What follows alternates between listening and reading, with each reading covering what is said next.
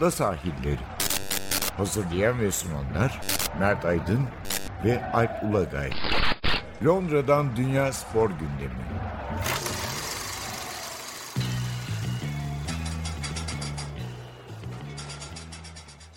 Ada sahillerinden merhabalar. Ben Alp Ulagay. Ben Mert Aydın. Bu hafta ada sahillerinde menümüzde neler var? Biraz e, İngiltere'ye daha doğrusu İngiltere-Türkiye arasındaki trafiğe bir göz atacağız. Mesut Özil malum Türkiye'de herhalde konuşturmadığı kesim kalmadı. Biz yani Türkiye'deki tarafa değil İngiltere'deki biraz son dönemine göz atacağız açıkçası. Bir de şey var deni içme içme iç suyu. Drink water evet. Ee, o o da bir Türkiye herhalde kısa bilmiyorum kısa mı sürer uzun mu sürer. O da bir Türkiye seyahati yaptı. Göreceğiz ilginç. Bu zaten Premier Lig'le Türkiye Süper Lig arasındaki bağlantı ilginç yani. Son yıllarda son birkaç yılda epeydir böyle bir trafik var ama genelde tabii biraz çaptan düşen oyuncular işte yedek kalan kadroya giremeyenler hani keşke bari böyle şey olsa o hani gelecek vadeden işte 20-21 yaşında ama bir sezonunu Türkiye'de Yani geçirip 30 sene önce Ferdinand'ın gelişi gibi bir şey mesela. Aynen öyle. Yani bir sezon geçirsin ama e, hem yani bir amacı olur kariyerinde e, hem de işte hırslı aşama yapmak isteyen bir genç oyuncu görürüz. Yani onu, Yani onu elemiş, eleğini asmışların çok açıkçası faydası yok. Bir oraya bakacağız ilk bölümde. Belki çok az Avustralya açık ten- teniste otelde turnuva sürüyor sanki. Oraya bir göz atacağız. Ee, ikinci bölümde de daha sonra da Premier Lig konuşacağız. Ee, malum Liverpool Manchester United maçı vardı. Neredeyse hafta içindeki işte bu ikiye bölünmüş maç günü erteleme maçları falan her gün her saat lider değişiyor. Böyle bir matak durumda var. Önce istiyorsan Mesut Özil ile girelim. Ee, Mesut Girelim. Özil imza atmadı ama artık şey belli, durum belli. Fenerbahçe ile belli ki anlaşılmış. Sadece hani resmi imzaya bakıyor iş. Yani e- eğer gelen bilgiler doğruysa Arsenal'la zaten 6 aylık bir sözleşmesi kalmıştı. Herhalde karşılıklı anlaşıp o sözleşmenin son kısmını feshettiler. Yani e, Arsenal Mesut'un bir bedel ödemeden, transfer bedel ödemeden gitmesine herhalde çoktan razıydı. E, Mesut Özil de kalan ücretini bırakarak ki zaten önemli bir kısmını almıştı. İşte sezon başında Ekim ayında yanılmıyorsam 8 milyon sterlin olması lazım. Sadakat primini de almıştı. Yani iyi bir gelirle zaten e, İngiltere söylemenini kapatıyor. E, Türkiye'de de gördüğüm kadarıyla iyi karşılandı. Yani Türkiye kısmına değil ki bu oradaki detayları, gelişmeleri bazen ben kaçırıyor oluyorum. Çok e, takip etmediğim için. Ama İngiltere'deki kısma e, biraz bakalım isterim. Ben bazı gazetecilerle de konuştum. Çeşitli gazetelerden, yayın kuruluşlarından. Hani biraz onların da izlemini görmek istedim açıkçası. Ya tabii 2013'te hele Arsenal'a geldiğinde Mesut Özil bir süperstardı. Yani Real Madrid'in en büyük yıldızlarından biriydi. Hani birinci tabii Cristiano Ronaldo'ydu. O konu çok yapacak bir şey yok ama e, Mesut Özil'in zaten herhalde serbest bırakılma sebeplerinden biri değil mi? Gareth Bale transferi e, olmuştu. Herhalde biraz da onun maliyetini karşılamak için çok büyük para vermişlerdi. Arsenal'ın iyi bir teklifi var ama zaten ilk sezonlarında Mesut öyle yanlış hatırlamıyorsam çok iyiydi. Yani geldikten bir sene sonra zaten dünya şampiyonu oldu Almanya ve o Alman milli takımının bir önceki Dünya Kupası'nda da öyleydi. 2014'te de öyleydi. En önemli oyuncularından biriydi. Ve e, benim de açıkçası çok çok çok beğendiğim bir oyuncuydu. Hani ilk birkaç yıl herhalde Mesut Özil fena değildi ama bizim İngiltere'ye yerleştiğimiz 2018'den beri tablo çok öyle olmadı açıkçası. Yani bunda kulübün de Arsenal'ın içinde bulunduğu karmaşık durumun da herhalde payı var. Herhalde Mesut Özil'in biraz kariyerinin iniş döneminde olmasında payı var. Ne dersin? Doğru yani e, hepsinin var. Bir de aynı döneme o milli takımla ilgili sıkıntılar da girdi. Yani araya 2018 Dünya Kupası'nı İngi- e, Alman milli takımı e, çok kötü geçirdi. Ee, ve bunun ardından hani Mesut'la ilgili eleştirilerin ardından Mesut Alman Futbol Federasyonu'nu neredeyse, neredeyse demeyelim tam anlamıyla ırkçılıkla suçlayarak milli takımı bıraktığını açıkladı. Yani hepsinin üst üste geldiği gibi bir durum var. Artı şunu da söylemek lazım. Sonuçta daha önce bunu çok konuşmuştuk. Arsenal'de çok uzun yıllar ki United da aynısını yaşadı. Ee, tek bir kişi tarafından futbol takımı yönetilmiş bir kulüp. Ee, evet sportif direktör var, başkan var ama çok karizmatik ve dominant bir menajerin yönetiminde. Arsene Wenger gibi. Ve bunun ardından onun ayrılmasının ardından her şeye karışan iyi ya da kötü e, işte beslenmeden fizyoterapiye kadar her konuyla detayıyla ilgilenen bir menajerin ardından e, kulüpler her zaman boşluğa düşüyorlar. Yani bu çok kolay halledilebilir bir şey değil yani. E, bunun aynısını Manchester United hala yaşıyor. E, aradan yıllar geçmesine rağmen. Ve hatta Ferguson bir şekilde işleri hala karışıyor olmasına rağmen. Şimdi o yüzden de hani kulübün bir bocalama devresi geçirmesi normaldi. Üstüne belki de Wenger'in o hani e, futbolcular üzerindeki anladığımız kadarıyla baba etkisi de var. E, böyle bir sorumlu döneminde e, Wenger'in olmaması bence Mesut için de çok ciddi sorun yarattı. Ben öyle düşünüyorum. Yani Mesut da bunalımlı bir dönemindeydi. Senin dediğin gibi yaşları ilerledikçe e, sahada da zaman zaman sıkıntılar yaşanabiliyor. Ama onun yanında Alman milli takımıyla yaşadığı sorunların ardından belki bunlara tek başına çözüm bulmaya çalışırken ona yardım eli çok fazla gelmemiş olabilir. Ee, bundan evet. Chris Whitley bahsetti. London futbolun spor yazarlarından biri ki daha çok Arsenal yazıyor. O Mesut'la röportaj da yapmış. Evet. Yani hem Alman milli takımdaki durumdan bahsetti. Yani oradaki yani eleştirinin ötesinde bir şey oldu ve Alman Futbol Federasyonu kendi yıldız oyuncusunun arkasında durmadı. Yani gerçekten çok çok garip bir durum orada olan. Irkçılık seviyesinde hakaretler geldiği için Mesut'un bir şikayeti vardı ve bir kişi bile şikayet ediyorsa zaten ortada bir sorun vardı.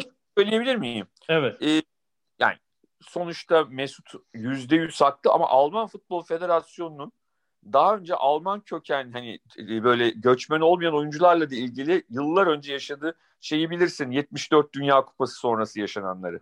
Alman milli takımının, Batı Alman milli takımının bankete eşleriyle gelmeleri, ardından eşler alınmıyor diye gönderilmeleri ve birçok yıldızın e, milli takımı bırakması.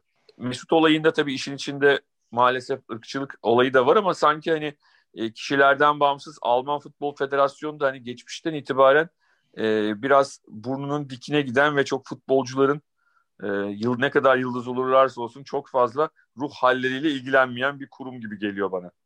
Ya bugünün dünyasında garip bir durum. Yani artık böyle evet. eski tip tek tip oyuncudan oluşan Alman bir takım yok yani. 2014'te dünya şampiyonu olurken de bunu bir aslında propaganda aracı olarak da kullananlar biliyorsun. Multi kulti yani evet. çok kültürlü milli takım. O yüzden evet. büyük sıkıntı yani Alman Futbol Federasyonu'nun bunu ele alış biçimi. Ama Chris Whitley bir de şeyi söyledi. Bu 2019'un yaz aylarında e, Mesut Özil'in evinin önünde bir soygun girişimi olmuş hatırlarsın. Evet Kolasinac. Kolasinaç'la birlikteyken işte silahlı birisi gelip Mesut arabada galiba Mesut'un herhalde otomobili. Bunları herhalde soymaya çalışıyor. Tanıyor mu tanımıyor mu bilmiyorum. Orada Kolasinac tam bir Balkan cengaverliğiyle tek başına müdahale etmiştim. İşte Mesut arabayı kaçırmıştı falan. Arabada aileleri de var ondan tam tam hatırlamıyorum şimdi. Bir de böyle bir olay geldi. Yani moral bozucu Londra'da yani insanın tabii ki oyunun performansını etkileyecek bir şey olabilir. Çok normal. Wenger'le ilgili de onu The Daily Mail'in futbol editörü Ian Ladyman söyledi. Yani Wenger'le çok iyi anlaşıyorlardı ve Wenger onu her açıdan koruyordu. Yani Aha.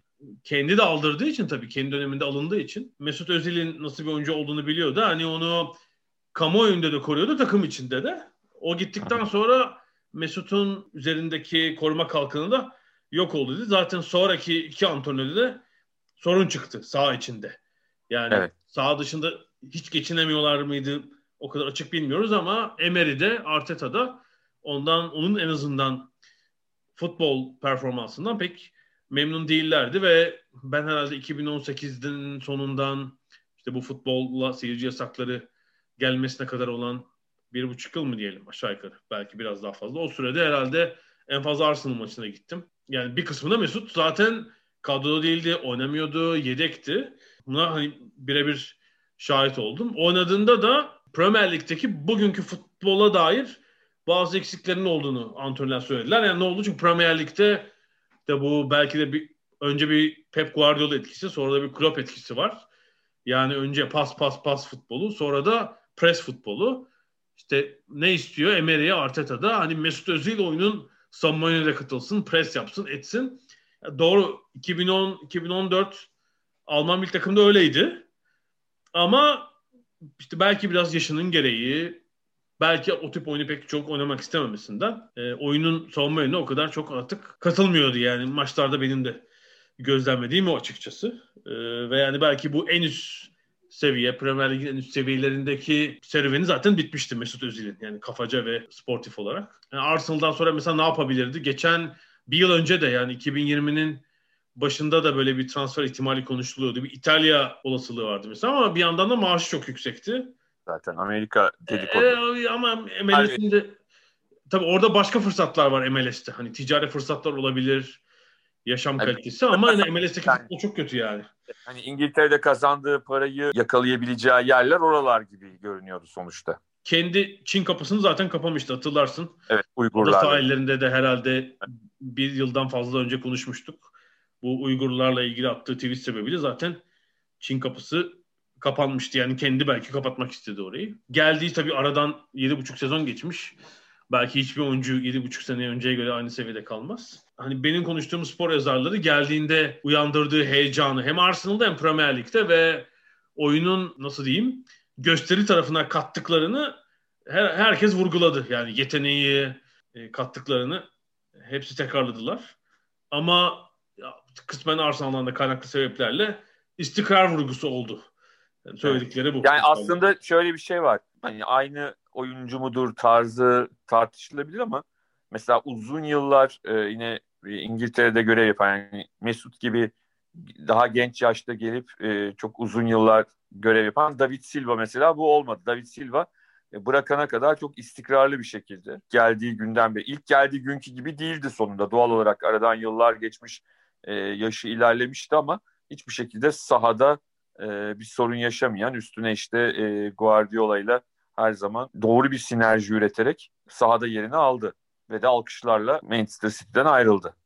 Bu arada şunu söylemem lazım. Hani gittiğim Arsenal maçlarında herhalde Emery'den sonra Arteta geldi. Hatırlarsın bir 3 ay kadroya girmişti yine. Arteta yani onu Aralık Evet. 2019 Aralık 2020 Mart arası diyelim yani futbola ara verilene kadar bir süre oynattı. Hı İşte Doğru. orada gittiğim Hatta maçlarda meşhur bir asisti var değil mi? Çok acayip, çok acayip bir gol attırmıştı. Evet ve orada yedek de olsa ilk 11'de ol- olsa mesela en çok seyirciden tezahürat alan oyuncu olduğunu, oyunculardan biri olduğunu söylememiz lazım. Mesela Caka için aynı şey değil. O seyirci didişmesi oldu. Yani Mesut için evet yani arka sıradaki yandaki bazı seyirciler hani memnuniyetsizliklerini belirtiyorlardı. Hani eski Mesut değil. İşte niye eskisi gibi oynamıyor ama adı okunduğunda da maç öncesi anons edildiğinde de o alkışını tezahüratını alırdı yani. E Çünkü o takımda hala bir şeyler yapabilecek birisi varsa yani 2-3 oyuncudan bir tanesi oydu. Hani o takımın seviyesini yükseltebilecek, e, o taraftarın istediği noktaya getir- gelmesi sağlayabilecek yetenekte olan oyunculardan 2-3 oyuncudan bir tanesiydi. Umut hep o iyi dönemindeki Mesut'u düşündükleri için doğal olarak o desteği veriyorlardı. Ee, Burada da sanırım Miguel Delaney söyledi bana The Independent'tan. Onların baş futbol yazarı. Yani etrafını iyi oyuncularla doldurmanız lazımdı. E, bunu Arsenal yapamadı tabii. Hani hatta elde olanlar falan da gitti. Yani şu andaki zaten Arsenal kadrosuna bakarsak işte tecrübeli bazı oyuncuları göndermek istiyorlar. Hani umut verenler çok genç oyuncular kadroda. Evet, evet. Ee, ya da işte yine tam bekleni veremeyen nispeten yeni gelmiş bazı yabancılar var yani son iki sezonda işte Pepe gibi hani Party Ha. gibi. Ee, tekrar inşa edilen bir futbol takımı görünümde Arsenal. İnşaat hiç bitmiyor Arsenal'de son yıllarda. Evet. Şey var, sonra. kent, kent, kentsel dönüşüm var Arsenal'de. Hiç bitmeyen bir kentsel dönüşüm. Peki Türkiye'deki kısmı Türkiye'dekilere bırakıyorum onun ne yapabileceğine dair. Önce yani ne yapabileceğine dair diyecek denileceklerin hiçbirinin hakikaten anlamı yok. Ee, sahaya çıkmadan e, Mesut'un tam olarak neye konsantre olup olmadığını anlamadan yoksa Mesut Özil seviyesinde bir oyuncu e, Türkiye Ligi'nde o yeteneklerini tam olarak kullandığı takdirde kendisine sahaya verdiği takdirde inanılmaz derecede bir fark yaratır. Ama e, onunla ilgili başka konuş şeyler var. Yani hani ne yapacağı, nasıl kafasını e, odaklayacağı bunları göreceğiz. Bunlar herhalde Türkiye ile ilgili söylenebilecek şeyler. E, yani ilk planda bir tabii maç eksiği var. Yani Mart'tan beri 10 aydır maç oynamıyor. Hani bu arada onun lisansı çıkmadı ama Ekim'den beri hatta diyelim Eylül'den beri A takımda idmanlarına devam etti bir yandan. Hani evet. kadro dışı seni genç takımın sahasına yollayalım. İşte Chelsea'de falan yapar. Öyle bir şey öyle bir durum yok yani. O A takımda idmanlara devam etti. Sadece ligde ve UEFA müsabakalarında lisansı çıkmamıştı. Ama maç eksiği olabilir tabii. Tabii, tabii. Bu Mesut Özil bölümünü İngiltere'de nasıl bakıldığı kısmını burada bitirelim. Ya çok kısa da bu tenise değinmek istiyorum. Ee, malum işte teniste hem kadınlar hem erkeklerde hem Grand Slam'lerde bir takvim oturtmaya çalışıyorlar ama sadece şey geliyor zaten. İşte az önce geldi Houston'daki ATP turnuvası. Turnuvalar erteleniyor, iptal oluyor. İşte bu sene de yok. 2020'de olmadı, 2020'de olmayacak. İşte Avustralya açık bir ufak değişiklik yaptı. Normalde Ocak ortası başlayan turnuvayı 8 Şubat'a aldılar. Orada da oyuncular. yani elemeleri de biliyorsun Dubai'de yapıldı galiba. Dubai ve Doha'da mı yapıldı? Dubai bir yerde daha yapıldı. Doha'da galiba. Yani Körfez'de yapıldı. Avustralya değil de hani oyuncular evet. ana tabloyu kalamayacaklarsa boşuna okyanus ötesi seyahat etmesinler diye. İşte Antalya'da hazırlık turnuvası falan. Sonra işte bir takım özel uçaklara binip Avustralya'nın yolunu tuttu sporcular ama herhalde bir karşılıklı yanlış anlaşılma, eksik bilgilendirme var. E, uçaklarda bir kişi bile yani oyuncuların oturduğu bölümde değil bir kişi bile pozitif testle çıksa e, tüm oyuncuları iki hafta boyunca uçağa binen herkesi iki hafta boyunca otel odasında karantinaya alıyorlar. Yani teknik olarak doğru bir şey yaptıkları ama tabii oyuncular için büyük sıkıntı. E, iki hafta işte korta çıkmak yasak, uzan çıkmak yasak böyle bir sorun ve işte birkaç gündür, 4-5 gündür çeşitli hesaplardan tenisçilerin e, odalarını mini kort haline getirip işte böyle şilte kaldırılmış perdeden şey yapılmış oda tenisi oynadıkları ya şöyle bir şey izliyoruz. Hani birbirleriyle görüşebilmelerine izin verirse aslında o oda tenisini iki kişi karşılıklı çok güzel oynar yani. Ama doğal olarak doğal olarak yani karantinanın amacı tek yani izole etmek. O yüzden birlikte o aynı yere gelemiyorlar evet. Yani ancak şu işte sevgilisiyle karantinaya giren var. Hani çift olan tenisçi varsa sevgili olan hani öyle bir ondan faydalanabilirler ama e, herhalde turnuvaya katılanlar arasında bu oran çok yüksek değildir diye tahmin ediyorum. Yani böyle bir sıkıntı var. Ee, şey çok iyiydi değil mi? Heather Watson'ın videosu, triatlon videosu çok iyiydi. Triatlon, evet. Odada yani triatlon. o kadar sıkılmış ki belli. Yani onun için o kadar uğraşmış yani. İnsan üşenir normalde çünkü o kadar o kadar e, şey yapmaya plan, senaryo çok yani sıkılmış belli ki. E, e, Novak Djokovic'in de bir talepler listesi oldu. Biliyorsun o yerel hükümete, Victoria Hı-hı. eyaleti herhalde hükümetine. İşte hiç olmazsa kortu olan villalara geçelim, şeyde kalmayalım diye. Avustralya basını da Djokovic'e yükleniyor. Yani bence şuradan yani şuradan haklı. Gerçekten karantina çıkacaklar. Arada bir hafta ya da yok idman süreleri var. Sonra turnuva. Yani bayağı sakatlık ihtimali falan doğuran bir şey. Yani odada ki alet edevatla ne kadar hazır olacaklar kestiremiyorum doğrusu. Yani çünkü bunu bilse bence Avustralya'ya gitmeyecek, turnuvayı gözden çıkaracak çok sayı tenisçi olurdu. E, gitmeyeyim ben bu sene gitmeyeyim diye. Mesela bu işin tabii Pierre Roger Federer am- ameliyat olmuştu. Hani Avustralya katılır mı katılmaz mı? Tarihi ileri alındı. Böyle bir ihtimal düşündü. Bence Federer'in ekibi bunu tahmin ettiği için işte sakat, sakatlığı geçmedi, henüz iyileşmedi diye zaten olayı baştan şey yaptı, kestirip attı. Şimdi evet. kimse Federer'e demiyor işte kuralı çiğnedin de uymadın da gelmedin etmedin. Çünkü sakat diye biliyoruz. Ama bence bunu bir İsviçreli olarak o çoktan hesaplamıştır bu ihtimalleri. Önlemini almıştır bir başarılı PR hamlesi diye düşünüyorum. Göreceğiz bakalım. Avustralya açık gerçekten evet. basınca 8, 8 Şubat'ta nasıl Başlıkta olacak? ümit ediliyor evet. evet yani şu durumda tabii aksi bir durum da tersi bir durum da mümkün gerçekten. Peki bu karışık bölümü bitirelim. Çok küçük ara ve buradan Premier Lig'e geçeceğiz.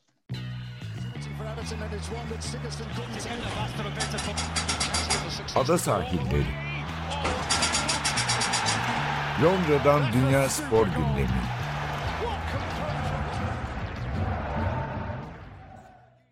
Ada sahillerine devam ediyoruz Premier Lig'le. Premier Lig'de böyle karışık haftaların iç içe geçtiği bir fikstür düzeni devam ediyor. Hafta sonu 19. hafta. Yani hesapta evet. sezonun ilk yarısının son haftası oynandı ama bu hafta içi 18. haftanın eksik kalan maçları oynanıyor. Bir de işte sezon başında oynanmayan maçları takvime serpiştirmişler. Yani böyle garip işte eksik maçlar, 3 maçı eksik olan takım, bir maçı eksik, iki maçı eksik olan takımlar. Ee, böyle bir durum da söz konusu. Ama geçen hafta sonunun tabii en önemli maçı e, Liverpool Manchester United arasındaydı. Yani İngiltere'nin en önemli yani İngiliz, İngiliz futbolunun bence ligde kaçıncı olduklarından bağımsız olarak en önemli maçı. Nasıl diye çok kötü bir maç değildi ama o kilidi açan gol bir türlü gelmediği için Doğru. belki istediğimiz istediğimiz oyunu göremedik. Yani Manchester United zaten öndeydi. Bence deplasmanda bir puanı da herhalde bir puandan çok şikayetçi değillerdi. Öyle tahmin ediyorum. Ee, Liverpool ise çok ilginç. 3 maçtır gol atamıyor Premier Lig'de ve herhalde gol atamama süreleri 360 dakikaya falan çıkmış. Ee, evet, ve de şöyle de değil yani hani mesela atıyorum 3 maç 360 dakikada 10 tane net fırsat buldular. Abi bir şansları yoktu işte Salah formsuz da atamadı, Firmino atamadı falan diyeceğimiz kadar da çok üretken bir görüntü de yok. Öyle ilginç yani o kötü geçirdikleri işte 4 maçlık bir periyot var. Buldukları pozisyon sayısı da az. Yani Evet. Yani ya, Crystal Palace'a attılar 7 taneyi ondan sonra durdular. United'e karşı da çok böyle net pozisyonları var mı? Yok. Hani uzaktan şutları hesaba katmıyorum. Bir herhalde ikinci yarıda kim dokunacaktı orada? Maguire'in müdahale ettiği bir pozisyon var. Evet, yani. evet, evet. Ama hani evet. kaleye vurulan şutlarda böyle o... Thiago, Thiago'nun hani e, şeyi var. Bir iki tane öyle şutu var. 20 metre üzerinden şut yani. Nasıl kaçtı evet, demez. Evet yani hani biraz heyecanlandıracak anlamında. Bir de mesela çok ilginç bir şey oldu. Maçın ilk yarısıydı sanırım. Sol tara sağ tarafta e, ceza alanının içinde topu Salah aldı.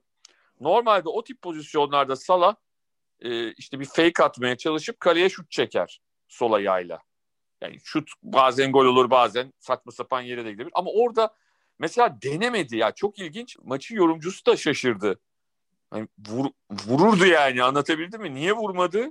Niye böyle bir tereddüt geçirdi? Anlayamadım mesela. Çok normalde Salah'ın çünkü hani o tip oyuncular genelde biraz gözü karadır. Yani önünde adam var, adam yok falan çok fazla da umursamazlar. Orada devam eder, şutu çekmeye çalışır. Çekmedi mesela arkaya topu attı falan filan. Değişik yani. Sıkıntının ne olduğunu e, çözmek kolay değil. Biraz şu Jota'nın gelmesi iyi olacak galiba. Geri dönmesi. Ya hücumda tabii evet işte bu Van Dijk'in gitmesinden beri takımın boyu uzadı. Savunmadan e, çıkışlarda biraz sıkıntı var. Mesela Alexander, Trent Alexander-Arnold da sezon başından Doğru. beri iyi diye. Geçen sezonun hatta Doğru. geçen iki sezonun altında savunmada biliyorsun yani bir sürü hata yaptı sezon başından beri ama Doğru. herhalde o da kendi stoperlerine çok güvenmiyor. Biraz daha tereddütlü çıkıyor ileri. İşte Covid geçirdi, sakatlandı. Tüm takımın zaten böyle bir problemi var. İleride ise zaten hani birinci yedek diye aldıkları adam bir buçuk aydır yok. Şubat başı galiba Jota dönecekmiş bu arada. Evet. Ee, öyle bilgi aldım. Ee, ama ileride Salah'la ilgili şu var. İşte bir mutsuz mu acaba? Öyle bir biliyorsun İngiltere basında röportajı vermeyen adam gitti İspanya'nın As gazetesine konuştu. Evet. E çünkü herhalde burada İngiltere'de en son uzun röportajını iki sene önce falan vermiş. Yani ben geçen hafta Times'tan Paul konuş, konuştum. O da öyle yani bize röportaj vermiyor. E gidiyorsun İspanyol gazetesinde konuşuyorsun. Hep kafada şey var. Acaba hani Real Madrid Barcelona'da mı şeyi? E, aklı orada mı? Sonra birden şey oldu. Cumartesi günü e, Sky Sports'un YouTube kanalında şey gördük. Onlar EA Sports'la bu oyun Aha. şeyinin şirketinin sponsorluğuyla böyle 10-12 dakikalık röportaj yapıyor. Orada röportaj çıktı birden. Hiç olmadık şekilde. Bu sefer içeri şey beyaz güvercin dağıtıyor İngiltere'ye falan. İşte kime Norveç kanalına konuşmuş. Yani geleceğim Liverpool'da. Şimdi Henderson ve Fabinho savunmada oynadılar. Ama şimdi mesela Henderson orta sahada oynayamadı o yüzden. Bir de işin o kısmı var. Yani istediği kadar savunmada iyi oynuyor görünsün bu futbolcular. Bu oyunculardan yararlanabildiği noktada oynayamıyorlar. Yerlerde oynayamıyorlar. Bir de işin o tarafı var. E, e, tabii şeyin mesela orta sahanın pres gücü düştü. Yani orta sahadaki evet. oyuncuları yerine oynatacaklarında da sıkıntı. Hani ideal hani bari Gomez sakatlanmasaydı mesela Gomez Fabinho iki stoper olarak devam ederdi.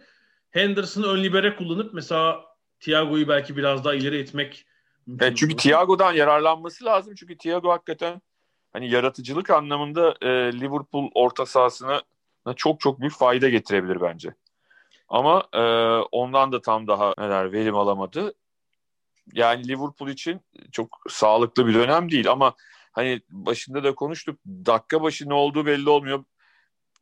Şimdi 2-3 maç üst üste kazanırlarsa bu sefer bir anda kendilerine yeniden lider de bulabilirler. Şey oldu maç sonrası görmüşsündür. Herhalde yayıncıya değil de yayıncıya verdiği röportajda değil. Sonra e, Zoom üzerinden yaptığı basın toplantısında şey demiş. Yani bizim için zaten ilk dört mühim, mühim demiş Klopp. Ya birden hedef küçülttü böyle. Bence bu biraz takım üzerindeki herhalde baskıyı falan da azaltmak için. Yani ilk dörtte çok takım var orada. Onların arasında olup Şampiyonlar Ligi'ne kalmamız mühim demeye başladı birden. Muhtemelen işte bir ay önce yani Aralık ortası Liverpool'daki hava neydi? Crystal Palace maçından sonra. Yani biz 3-4 maça farkı açarız. Götürürüz bu işi. Bu böyle bir hava vardı herhalde. Bir ayda çok değişti hava. Yani o havadan eser kalmadı evet. açıkçası. Yani bence bir an önce Matip'e ihtiyaçları var. Ya duyduğuma göre Perşembe akşam oynanacak Burnley maçı için ilk 11'e dönecekmiş. Bu büyük ihtimalle Henderson'ın orta saha geçmesi anlamına gelecek. Yani Fabinho Matip oynayacak. Yani hiç olmazsa Matip'i her maç olmasa bile işte daha sık kullanabilirlerse ve belki orta sahadaki o işte pres, pas etkinliği tekrar artar. Böyle kalmaz tabii yani bundan sonraki dört maçta da gol atamayacağı anlamına gelmiyor Liverpool'un ama tabii, tabii. bir türlü mini krizden çıkamadılar yani. Bir Doğru. Dört maç. Tabii karşılarında da bahsettiğin gibi e, hani savunmaya gelmiş. E, işte e, mümkün olursa araya bir sıkıştırmaya gelmiş. Manchester United vardı ki az daha da Pogba yapıyordu bunu yani. Şu ilginç. Hani maç öncesi 11'ler açıklanınca tam oyuncuların yerlerini bilmiyorduk. Ben herhalde dedim işte Rashford solda, Martial'ı tek sant format mı atacak nasıl derken birden şey çıktı. Böyle kalabalık bir orta saha.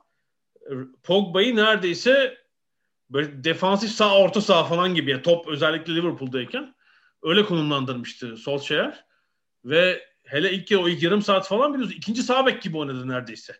Evet evet. Bir ya şöyle bir şey şeyi kesmek için. Robertson yani, Mane bağlantısını evet. kesmek için. Çünkü ilk e, özellikle maçın ilk yarısında hani e, evet topu bıraktı e, Manchester United Liverpool'un ayağına ama hani biraz ateşle oynadı diyebiliriz. Orada hani çünkü gerçekten Liverpool'un e, enerjik bir şekilde saldırmaya çalıştığı dönem o dönemde. E, orada o işi başardılar. İkinci yarıda bu sefer e, Liverpool endişelenmeye başladı. Çünkü United'ın en iyi yaptığı şey kontratak yani şu anda e, şu ana kadar hani bir şekilde liderler aslında Leicester şu anda biz konuşurken lider de yani yeniden olabilirler e, daha sonraki dakikalarda. Ama yani şu anda buralara gelmesinin tek nedeni o işi iyi yapabilmeleri. Yoksa gerçekten anlamsız bir şekilde ligin zirvesindeler. Yani Manchester United anlaşılır bir takım değil.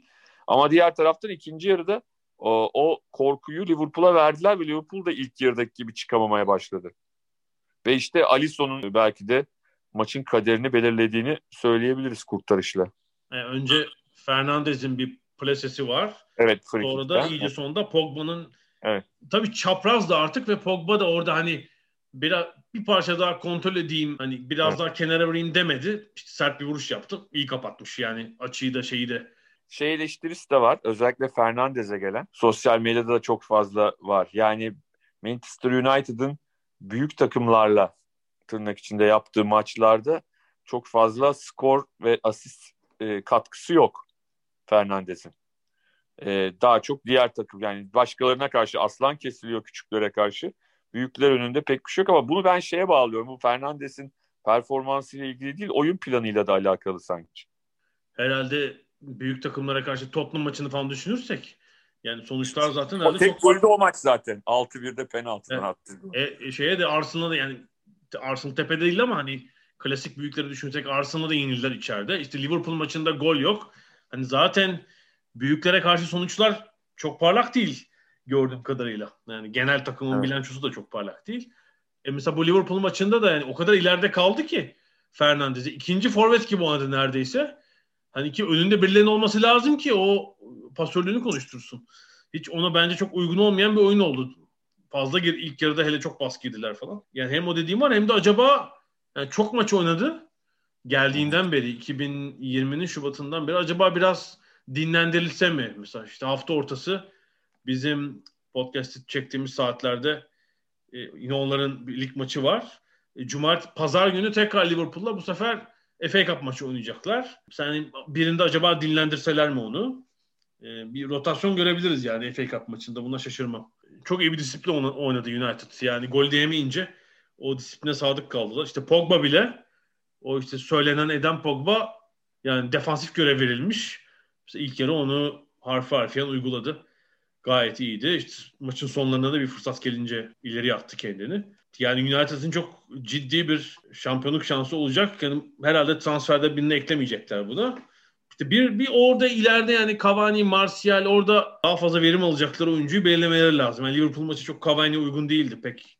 Rakip kaleye yakın oynamadıkları bir maç. Ee, oradaki ince ayar herhalde United'ın ikinci yarıdaki durumunu belli edecek. Andy ben Talk of the Devil podcastını dinledim. O şey diyor yani biz hala şampiyonluk adayı değiliz. Üçüncülük iyidir dedi Manchester United için. Yani Liverpool'la City arasında geçecek dedi şampiyonluk yarışı. Daha evet, erken yani, e, tabii o biraz şey yapmış, totem yapmış ama. totem. Yani City'nin gidişatı aslında giderek daha iyiye doğru gidiyor. Yani bu e, aslında diğer takımlar için korkutucu. Şimdi gizli lider City falan diye konuşuluyor. Hani United'tı şimdi artık City e, eksik maçlarını tamamladığında o koltuğa onun oturacağı düşünülüyor. Bir takım şeyleri yani çünkü sezon başında e, çok yavaş bir takımdı, çok tahmin edilebilir bir takımdı. Şimdi giderek yeniden opsiyonlu saha içindeki opsiyonlarını devamlı arttıran e, bir takım haline geldi ki hala standart net bir golcüsü yok. Bence Guardiola şunu fark etti. İlk böyle 5 hafta 10 hafta falan. Yani bu sezon normal bir yıl değil futbolcular içinde hepimiz içinde. Zaten sezonu geç açtık.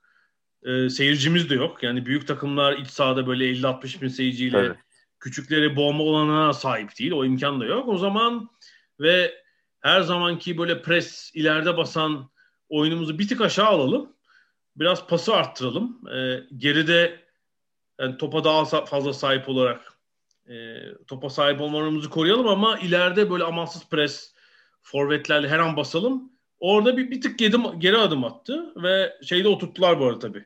Savunma ikilisini nihayet buldu sanıyorum herhalde. Tabii, tabii. Stones ve Ruben Diaz yani. Yani bir sakatlık başın... olmazsa e, evet. dediğin gibi bir de üstüne Stones e, hafta sonu maçta iki gol birden attı. Yani çok beklenmedik bir şey yaptı. E, yani gol atmayan bir oyuncu yani milli takım formasıyla Dünya Kupası'da da gol attı ama e, aynı maçta iki gol birden attı. Ona İngilizler çok ekstra önem veriyorlar Stones'a ve Stones'un sakatlıklardan dolayı yeniden ortadan yok olması e, ciddi endişeler getiriyordu. Olası hani Avrupa Futbol Şampiyonası için falan. Bir de yeniden onun forma girmesi, oynaması, başarılı olması, iyi gitmesi ve Diaz'la da çok iyi bir ikili oluşturması hem City açısından önemli e, ama İngiliz milli takımı için de çok çok kritik bir şey ligdeki 3 birlik Chelsea maçından beri gol yemiyorlar. Yani o da 3 Ocak'tı. Zaten galibiyet... Ben de şey söyleyeyim. Şu anda biz yaptığımız sırada Aston Villa ile oynuyorlar. Hı hı. Ee, o maçın ilk yarısı bitti. Yani bu yayın için önemli değil ne bitti de onda da gol yemiş değiller yani o 45 dakikada da devam ediyor o yememe durumu. İkinci yarıda ne olur bilemem ama. Evet, Chelsea maçın ikinci yarısında bir gol yemişlerdi. Bu arada evet. işte kupaları da dahil edince lig kupası FA Cup galibiyet serileri 8 maç oldu. Ve önlerinde fena fikstür yok. Hatta senin az önce bahsettiğin maçı kazanırlarsa birkaç saatinde olsa lider de olacaklar. Sonra United geri alabilir tahta ama asıl işte öndeki önümüzdeki 3-4 maçı kazanıp hani Şubat ayı başına o önemli Liverpool maçına lider girmek amaçları. Arada 3 maç daha var ve hep dipteki takımlarla oynuyorlar. Yani gücü az ama tabii sorun evet. çıkarabilecek takımlar. Yani herkes çünkü orada biraz kıpırdandı aşağıda da. Yani kolay olmayabilir ama işte güçlü rakipleri yok eninde sonunda. Yani oraya 3 maç 9 puan diye düşünüyor olabilirler. Tabii tabii. İlginç ama City'nin hani 2 ay, 3 ay önceye göre çok daha farklı bir seviyede olduğunu söylememiz lazım. Bir ara daha verelim. E, aradan sonra Premier Lig'de diğer takımları konuşmaya devam edeceğiz.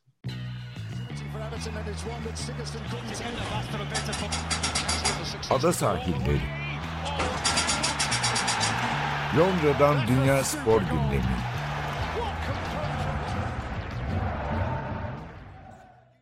Ada sahillerine devam ediyoruz. Premier Lig'in geri kalanını konuşalım. Herhalde geçici de olsa zirveye oturan Leicester City'den bir bahsetmek lazım değil mi? Doğru. Üstüne zaten Leicester'ın yendiği takımda Chelsea. Hani ondan da o maçla birlikte bahsetmiş oluruz. Leicester e, açıkçası Chelsea'yi duman etti. Yani hele maçın ilk yarısında maçı bitirdi. E, hani 2-0 tabii ki garanti bir sonuç değil ama oyun olarak e, o maçı Chelsea'nin çeviremeyeceğini e, herkes gördü. Çok net bir şekilde öyle bir ilk yarı oynadılar ki. Ama yani futbol çok acayip bir oyun. Her şeye rağmen yani çok kritik bir karar. 1-0 iken 2-0'ın hemen öncesinde e, bir pozisyon var. E, Chelsea'lerin yani maçın hakeminin penaltı verdiği önce. Daha sonra VAR uygulamasıyla serbest vuruşa çevrilen e, ceza içinde olmadı. Yani ki yani VAR'la bile tespiti çok zor. Hani çizgide mi, değil mi, önde mi, arkasında mı? Yani futbol öyle acayip bir oyun ki yani bu kadar biz darma duman etti falan diyoruz ama hani orada maç bir bile de gelebilirdi. Öyle de bir e, enteresan durum vardı ama sonuçta Leicester önünde yenik duruma düşmeyeceksin bir slogan olmalı İngiliz futbolunda herhalde. Yani o, ya onda on oldu. 10 kez yani 10. maçta yine öne geçtiler ve onun e, öne geçtikleri 10. maçı da kazandılar. Çok çok önemli bir şey. Yani geriye düştüklerinde pek kazanamıyorlar tabii. Hatta öyle 3-0 evet. falan yenilgiler ama son 6 maçlık periyotta gayet iyiler. 4 galibiyet, 2 beraberlik var ve bu dönemde üstelik işte mesela Tottenham'a deplasmana gittiler. İçeride hı hı. Manchester United maçı var. Çok iyi maçtı yine. İşte Chelsea maçı var yani. Güçlü rakiplerinin zirve adaylarının olduğu bir periyottan geçtiler ama Leicester gerçekten iyi. Yani geçen sene de devre biterken tabii yılbaşından önceye geliyordu. İşte yine ikinci, üçüncü orala, oradalardı ama çok moral bozan City ve Liverpool maçları oynamışlardı böyle yani. Ama zaten Liverpool'la City'de o kadar açmışlardı ki arayı. Yani zaten hani ikinciden sonrası şey değildi yani hani orada yok, ayrı bir yarış City ile puan puanlardı ya. Liverpool açmıştı da. Liverpool açmıştı. Doğru City ondan önceki senede karıştırdım evet. ama yine de yani hani City bir şekilde geçer nasıl olsa deniyordu. Leicester'ın e, geçen yılkinden daha oturduğunu net olarak söyleyebiliriz oyunun. Yani şimdi daha fazla alternatif olduğunu düşünüyorum. Tabii ki bu şu demek değil yani. yani Manchester City kadar çok alternatifi yok takımın. Ama hani bazı alternatifsiz oyuncu yani Jamie Vardy'nin bir alternatifi yok mesela. Ya ben Ama, e, söyleyeyim mi? City'den daha fazla alternatifi olduğunu düşünüyorum Leicester'ın. Birçok ay birçok mevkide öyle zaten.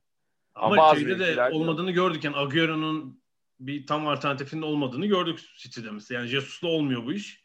Ya onlar ama başka bir oyun planına döndüler falan filan. Hani bir şeyler yapıyorlar ama şimdi mesela Leicester'da geçen yıl en büyük sorun hani takım yoruldu. Sezon içinde birçok şey oldu ve düştüler. Yani Şampiyonlar Ligi sıralamasını kaybettiler geçen sezon.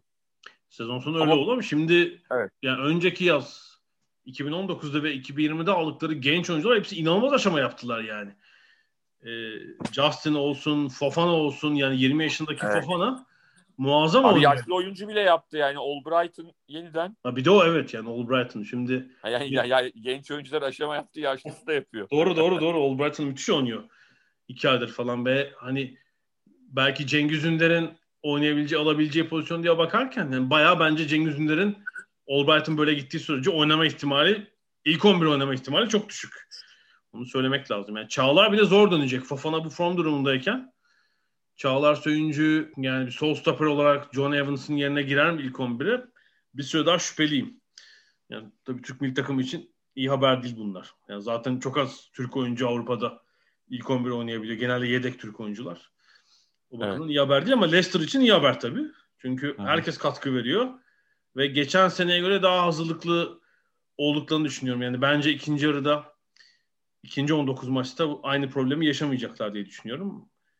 Ee, bir şekilde ilk dörtte kalacakları olacaklarını düşünüyorum ben sezon sonuna kadar. Yani şampiyonluk Hı. o zor. 2016'daki mucize bir de olmayabilir ama 3-4 hedefleri de bence o zaten. Orada olmak. Evet. Onu, onu sağlayabilirler. Ama yani Chelsea'de değil mi yani sanki o penaltı pozisyonu böyle bir iki cılız kafa hariç şey gözüküyor. bir 20 dakika falan daha oynasalar hiç gol atamayacaklarmış gibi duruyordu. Doğru, doğru. Yani işte aslında e, ana meseleleri o ki hani e, ellerinde hücum özelliği olan çok kaliteli oyuncular da var. Ama şeyi sağlayamadı. Yani şunu söylemek lazım. Hani bir sürü oyuncu var o bölge için, e, hücum bölgesi için elinde. Birbirine benzer özelliklerde. Burada doğru şeyi bulamadı. E, kolay mı bilmiyorum o kadar kişi ama hani teknik direktörlük hüneri biraz bu herhalde normalde. Yani orada doğru adamlardan oluşturmak. Zaman zaman Covid, zaman zaman sakatlıklar bunu engelleyebilir eyvallah. Ama sanki o hani en verimli, sahada en verimli oynayacak grubu yakalayamıyor Lampard. Yani bu, bu tip geniş çok fazla oyuncunun olduğu kadroların en büyük sıkıntılarından biri o olabilir. Hele biraz da işte Lampard gibi tecrübe konusunda da bir eksiklik varsa e, toparlaması çok kolay olmayabiliyor. Şu anda biraz öyle bir durum var. Yani hani hangi üçlü önde çıkacak, kim arkasında olacak falan derken giderek dibe doğru gidiyorlar. Dibe derken ligin dibinde anlamında değil. E, ve yani şey sanki kaçınılmaz son gibi görünüyor. Yani bir anda üst üste inanılmaz şeyler olmazsa yani bir teknik direktör değişikliği, menajer değişikliği. Çünkü çok konuşulmaya başlandı o yüzden söylüyorum. İki, içeride iki maçları var şimdi. Onları alıp bir parça yukarı yaklaşabilirler. Bir de hani orta sıralardaki takımların bile şu şansı var. Geçen 2-3 sezondaki gibi fark açan bir takım olmadığı için Evet, evet. 8. olup 3 maç kazanıp birden 3.lükte bulabilirsiniz. Bence şansları da o şu anda. Yani Lampard'ın en büyük şansı o şu ana kadar. Yani şu an benim önümdeki puan tablosuna göre Arsenal mesela Şampiyonlar Ligi klasmanından 7 puan geride. Yani 7 puan, 2 maç, bir beraberlik falan demek yani. İlginç bir şekilde hani küme düşme hattına yakın mı dediğimiz. Hani bence Arsenal Şampiyonlar Ligi'ne gidemeyecek öyle bir ihtimal yok ama yani büyük fark yok. Yani 15 puan değil, 20 puan değil. 7 puan. E Chelsea de işte iki iç saha maçını kazansa iki hafta sonra şunu konuşuyor olacağız. Yani evet beşinciler Tottenham maçı yaklaşıyor falan böyle konuşuyor olabiliriz. Bu arada Top, Tottenham açısından iyi bir hafta sonu. Ra- evet rahat ha, bir hafta sonu oldu diyelim. Çok net bir galibiyet. Biraz nefes aldılar yani. Çünkü e, son haftalarda yavaş yavaş Mourinho'nun sihirli görülen formülü sıkıntı yaratmaya başlamıştı. Çünkü her takım Mourinho'nun takımının karşısına hücum oynamak için çıkmıyor. Yani İngiltere Ligi'nde böyle oynamayan birçok takım var. Ya da Mourinho'nun oynamak istediği gibi oynayan birçok takım var. E, o biraz Tottenham açısından son haftalarda sıkıntı yarattı. Yani Tottenham çözebileceği maçları da puan kaybetmeye başladı.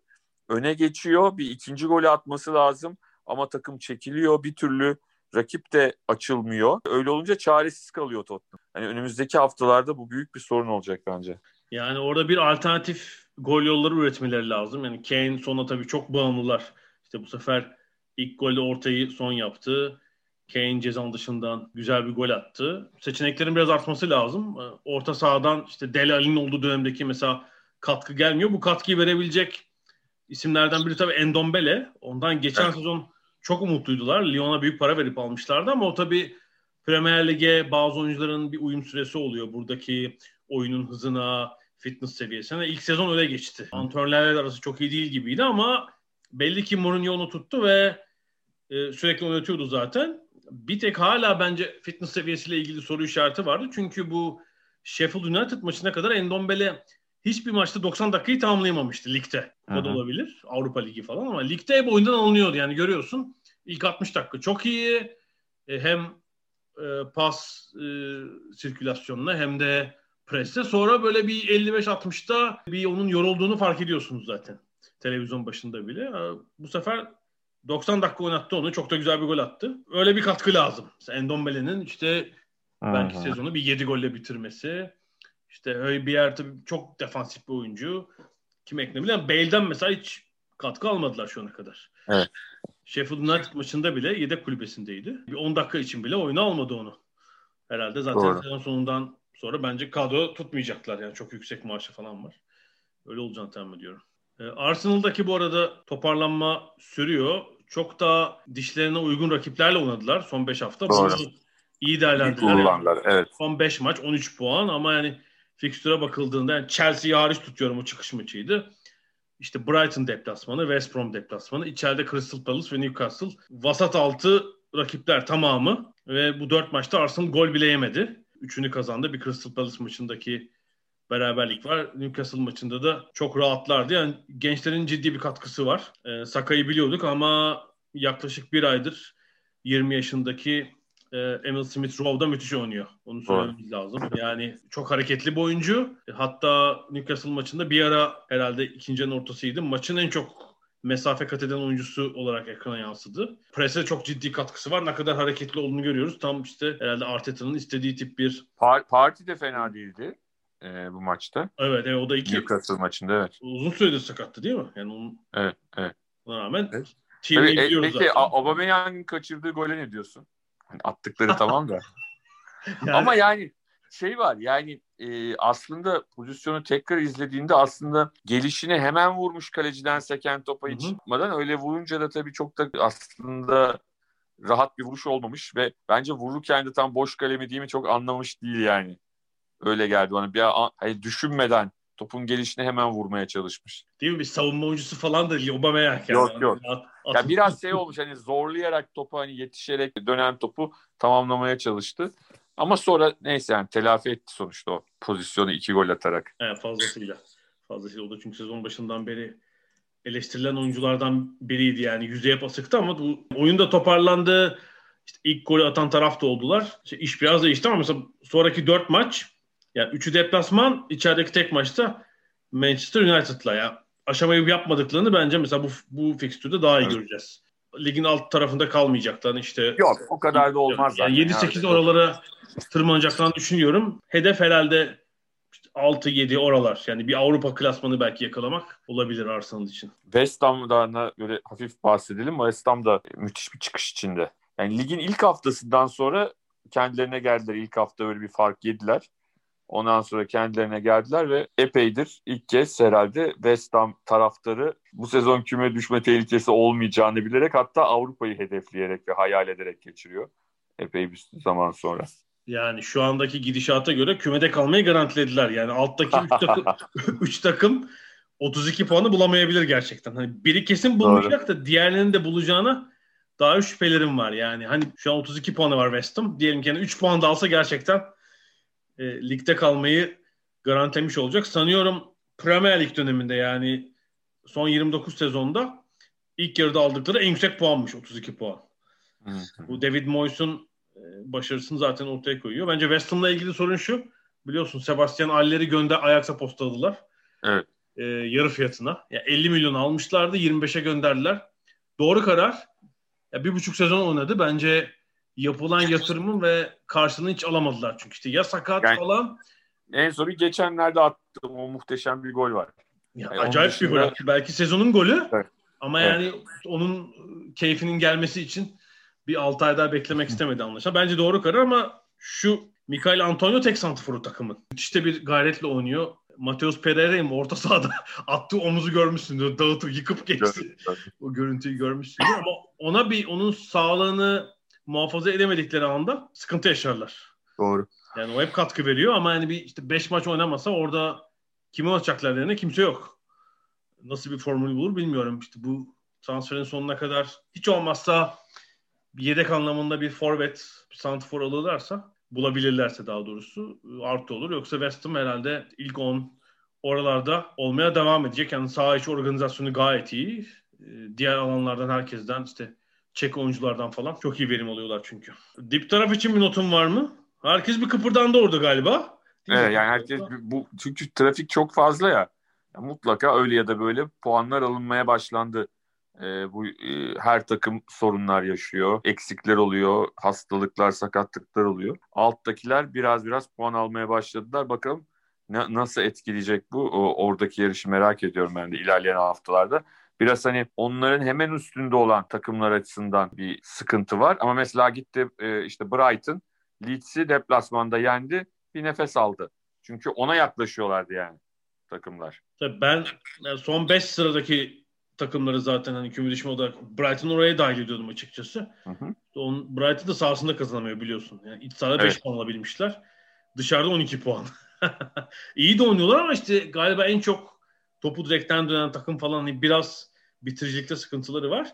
Yani alt tarafta aslında yine böyle ortamın karışık olduğu takım Newcastle United gibi duruyor. Yani her şey iyi gibi duruyordu orada ama üst üste çok ciddi puan kayıplarıyla alt tarafa yaklaşmaya hala aslında uzakta gibi görünüyorlar ama gidişat iyi değil. İşte kulüp satılamadı. Kulüp sahibinden Mark Ashley'den zaten memnun değiller. Ee, sezon başı olan oyun seviyesi düştü. Son 7 maç 2 puan alabildiler. En alttakileri bile yenemiyorlar işte Fulham maçını hatırlayalım. Ve son maçlardaki oyun da hiç iyi değil yani. Son 3 maçı kaybettiler.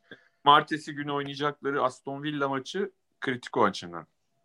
Deplasmanda yani o maçta kaybederlerse e, ciddi anlamda taşlar yerinden oynayabilir. Evet sen ya sen şeyi gör. Hani işte Brighton, Burnley hatta bir de Fulham böyle birkaç galibiyet puan daha alsın. O fark azalsın.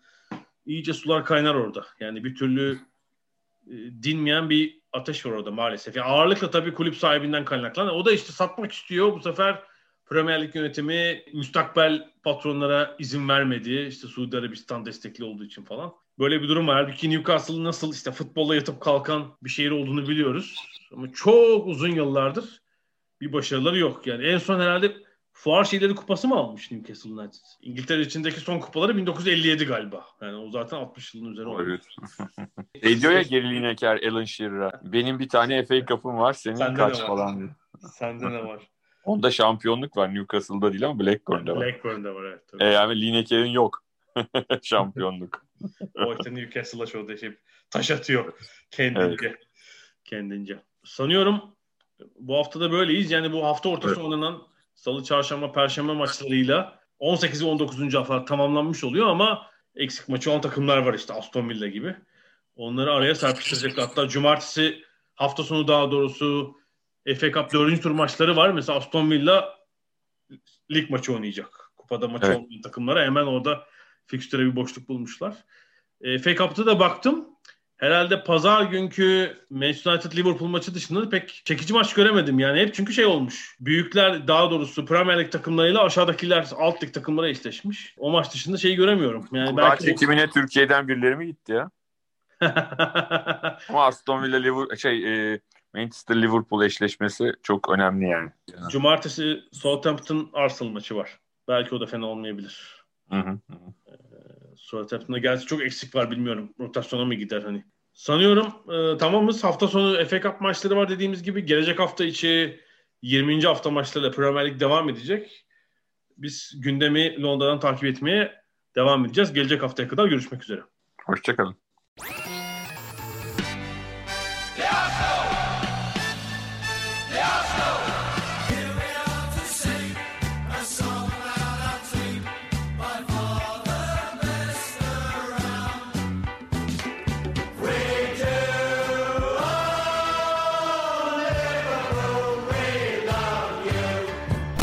Ada sahilleri.